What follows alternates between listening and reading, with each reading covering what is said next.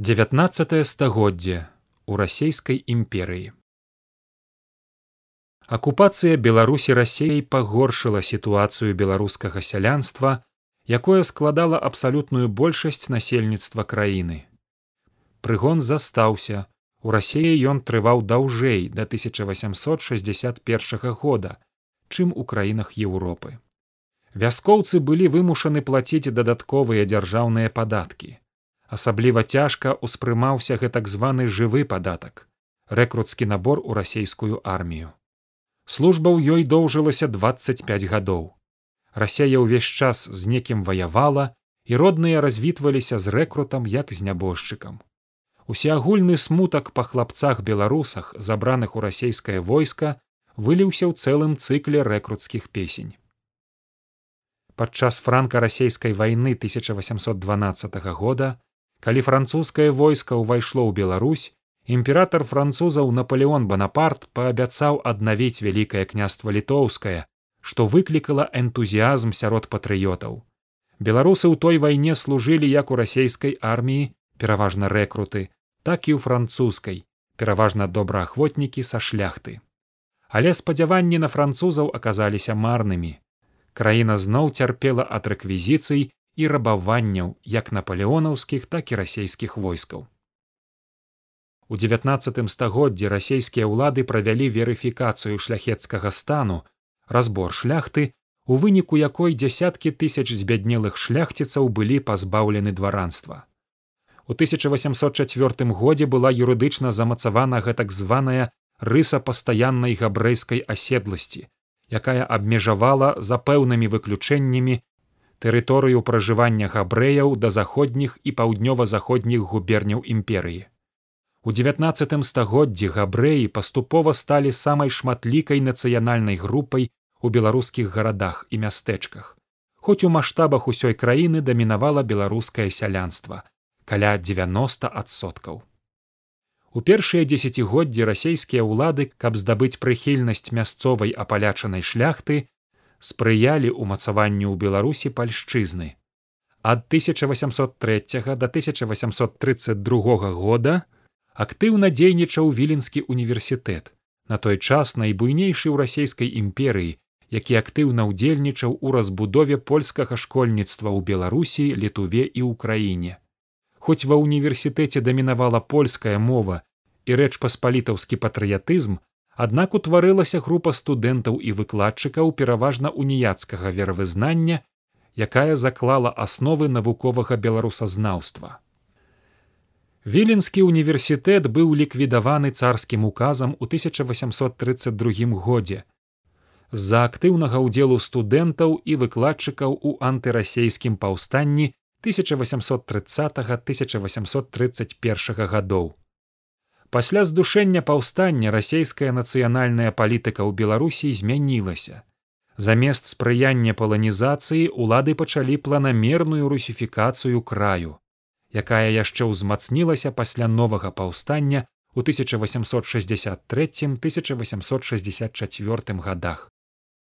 Рассея ў 1861 годзе апошняй у еўропе скасавала прыгон сяляне атрымалі асабістую свабоду і права выкупу зямлі на якой працавалі ва ўласнасць. Прычым на даволі цяжкіх для сялян умовах. За права ўласнасці на сваю зямлю трэба было дорага заплаціць. Выкуп яе дазваляўся толькі праз девять гадоў. Таму калі ў 1863 годзе выбухнула арганізаваная шляхтай антырасейскае паўстанне сяляне ўзялі ў ім удзел асабліва масава на гарадзеншчыне тым не менш вызваленне сялянства паспрыяла агульнаму развіццю гаспадаркі краіны. Сяляне беларусы сталі эканамічнымі і прававымі суб'ектамі мусілі самі дбаць пра сваё жыццё а не спадзявацца на памешчыка. Ужо другое свабоднае пакаленне дзеці былых прыгонных асабіста свабодныя людзі пачалі задумвацца пра сваю нацыянальную ідэнтычнасць беларуская шляхта была лепш адукаванай за расейскае дваранства і надалей старалася трымацца ў кантэксце еўрапейскай культуры невыпадкова менавіта мясцовая шляхта выступіла ініцыятарам скасавання прыгону ў імперыі хоць у беларусі не было маштабнай індустрыялізацыі але разам з расійскай прыбалтыкай яна лідзіравала ў сельскай гаспадарцы і перапрацоўчай прамысловасці. Шляхта ў сваіх маёнтках арганізавала на капіталістычнай аснове эфектыўныя сельгаспрадпрыемствы і развівала перапрацоўчую прамысловасць. Беларусь стала найбуйнейшым у імперыі вытворцам спірту праз пераапрацоўку бульбы. Фабрыкі ўжо цалкам капіталістычныя былі, як правіла, невялікімі, наймалі ў сярэднім менш за 50 рабочых. У канцы 19 стагоддзя ў краіне мелася толькі 9 буйных прадпрыемстваў з колькасцю рабочых больш за 500 чалавек. Да іх належалі машынабудаўнічы і чыгуналіцейны завод якапсона, ліўшыца і ко у менску. Льнопрадзільная фабрыка дзвіна ў віцебску, тытунёвая фабрыка шарашэўскага ў гародні, папяровая фабрыка ў добрушы, запалкавыя фабрыкі ў пінску і барысаве. Развіццё прамысловасці паскорылася пасля пракладкі некалькіх чыгуначных ліній. Першай была пецярбургска-варшаўская чыгунка, беларускі ўчастак ад гамарні да парэчча. У 1862 потым у 1866 годзе запрацавала рыска арлоўская у 70-тые гады маскоўска-берасцейская і лібава-роменскія чыгункі. Ад 80-х гадоў пачалі дзейнічаць рэгіянальныя беларускія лініі. Вільня баранавічы лунінец гомель лунінец пінск жабенка баранавічы слонім ваўкавыск беласток. У 1880 90 гады паскорылася развіццё фабрычна-завадской прамысловасці. Менш чым за 40 гадоў паміж 1860 годам і канцом 19 стагоддзя колькасць фабрыкі заводаў павялічылася ў 15 разоў. Усяго гісторыкі налічылі іх 1137 шляхецкія і буйныя сялянскія гаспадаркі паступова ўцягваліся ў гандлёва-рыначныя адносіны. Фармавалася прамысловая буржуазія у якую ўваходзілі прадстаўнікі розных саслоўяў шляхта дваране заможныя мяшчане купцы і рамеснікі сяляне асноўная маса мануфактур і фабрык да канца 19 стагоддзя належала дваранам. Гэта былі пераважна прадпрыемствы па прамысловай пераапрацоўцы сельскагаспадарчай прадукцыі з памешчыцкіх маёнткаў. Уладальнікамі дробных прадпрыемстваў у гарадах і мястэчках беларусій з'яўляліся звычайна мяшчане у большасці сваёй габрэі. За другую палову 19 стагоддзя агульная колькасць уладальнікаў прамысловых прадпрыемстваў у Беларусі вырасла з 28 цэлых двух дзясятых тысяч у 1860 годзе да 77 цэлых адной дзясятай тысяч чалавек у 1900 годзе. Пад расейскай уладай крызіс беларускай культуры надалей паглыбляўся. Да паланізацыі дадалася русіфікацыя, якая пасля паражэння антырасейскіх паўстанняў 1830-1831 і 1863-1864 гадоў набыла татальны характар. Расійскія ўлады не прызнавалі беларусаў асобным народам, а толькі часткай рускага племені. Не дазвалялася нават пачатковая адукацыя народнай мове забаранялася друкаванне кніжак па-беларуску, тым больш лацінскім шрыфтам. Але беларускае сялянства трымалася традыцый продкаў, захоўвала асновы нацыянальнай культуры і багацейшы ў Еўропе фальклор, зберагло адну з самых старажытных славянскіх моў.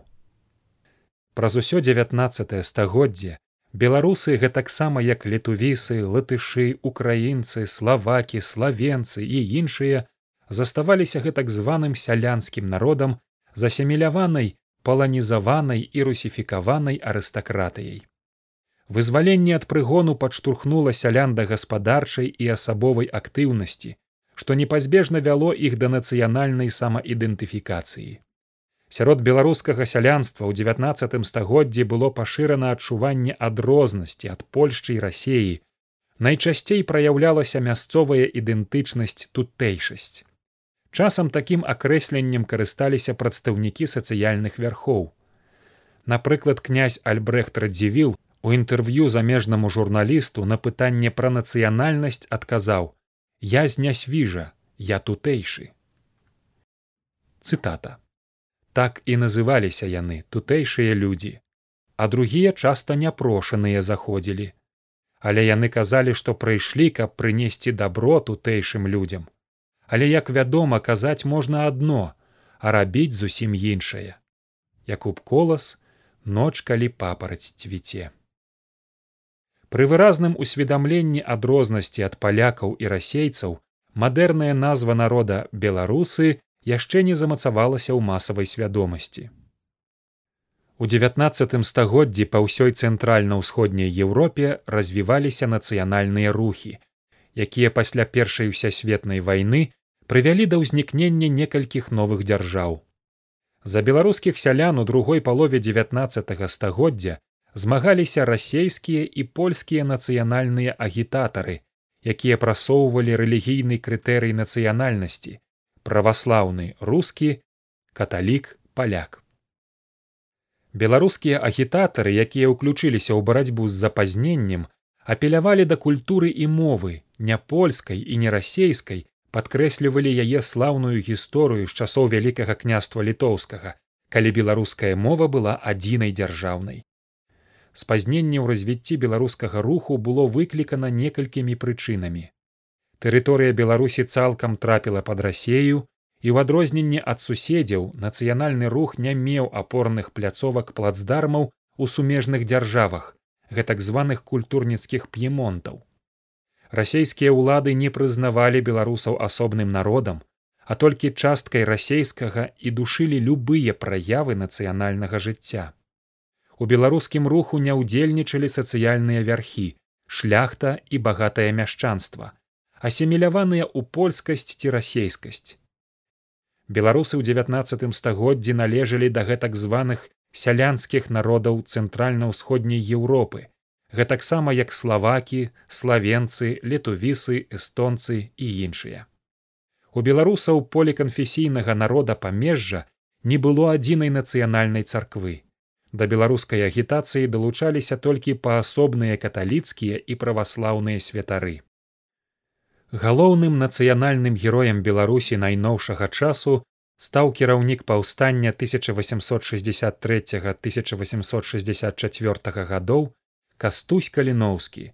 Гады жыцця з 1838 по 1864 ураджэнец гарадзеншчыны мужны і бездакорны змагар не зламіўся нават перад абліччам смерці якую прыняў у 26 гадоў. Схоплены праз здраду расейскімі ўладамі і асуджаны на павешанне каліноўскі звярнуўся да беларусаў на іх мове знакамітымі лістамі з-пад шыбеніцы у час падрыхтоўкі паўстання кастусь каліноўскі арганізаваў падпольны друк першай газеты на беларускай мове мужыцкая праўда усе сем нумароў якой палымяна заклікалі беларускае сялянства да змагання за зямлю і волю. Кастуся каліноўскага шанавалі нават у савецкай беларусі а ў двадцать першым стагоддзі ягонае імя стала сімвалам змагання беларусаў за свабоду і дэмакратыю ад канца восемнадцатого пачатку девятнаццатого стагоддзяў беларускі фальклор і традыцыйная народная культура сталі аб'ектам вывучэння мясцовай і прыезджай інтэлігенцыі гэта была першая фаза нацыянальнага руху якая прывяла паасобныя групы патрыятычнай інтэлігенцыі да высновы, што сяляне ў беларусі асобны народ. Акрамя таго, адукаваныя прадстаўнікі шляхты мелі свядомасць, што іх продкі даўней таксама гаварылі і пісалі на гэтай мове. Цікава, што такія групы ўзніклі незалежна адна ад другой у самых розных месцах у беларусі і за яе межамі напрыклад у сталіцы расійскай імперыі санкт-петербургу беларускія патрыёты найчасцей групаваліся паводле веравызнання. Пры гэтым каталікі ў сваіх колах называлі краіну літвой. Афіцыйна ў імперыі ўжываліся назвы гарадоў мінск літоўскі брест літоўскі а праваслаўныя беларусю гэтыя дзве плыні нацыянальнага адраджэння доўга не мелі кантактаў між сабой і аб'ядналіся толькі ў двадцатым стагоддзі Пераход да другой фазы нацыянальнай агітацыі ці пераканання саміх сялян, што яны з'яўляюцца народам, зацягнуўся на ўсё 19 стагоддзя. Гэтая фаза ў беларускім руху напоўніцу разгарнулася толькі пасля выбуху расейскай рэвалюцыі 1905 года, якая прывяла да пэўнай лібералізацыі ў рассеі у прыватнасці да дазволу беларускага друку. Не хапіла часу, каб перавесці рух у масавую фазу. Беларускія нацыянальныя дзеячы мелі ўсяго дзесяцігоддзя да пачатку першай усясветнай вайны. Найноўшая беларуская літаратура ў 19 стагоддзі з-за перарванасці традыцыі кніжнай мовы стваралася фактычна наноў на падставе жывых народных гаворак. Істотнай перашкодай у яе развіцці была забарона беларускага друку ў расійскай імперыі. Але магутны поток жывой народнай мовы, на якой гаварылі мільёны, прарываўся ў польскамоўныя і расейскамоўныя творы мясцовых літаратараў. У першай палове 19 стагоддзя з'явілася даволі шмат білінгвальных твораў, найперш вершаў, напісаных польска-беларускай мяшанкай, трасянкай. Беларуская мова ўжывалася найперш у гэтак званых нізкіх жанрах інтэрмедыі, камедыі, пародыі. Першымі значнымі беларускамоўнымі творамі сталі парадыйна-сатырычныя паэмы Энеіда на выварат, напісаныя каля 1820-х гадоў і тарас на парнасе сярэдзіна 19 стагоддзя. Пачынальнікі новай беларускай літаратуры пісалі на польскай і беларускай мовах, часта змяшчалі свае беларускамоўныя творы ў польскіх выданнях.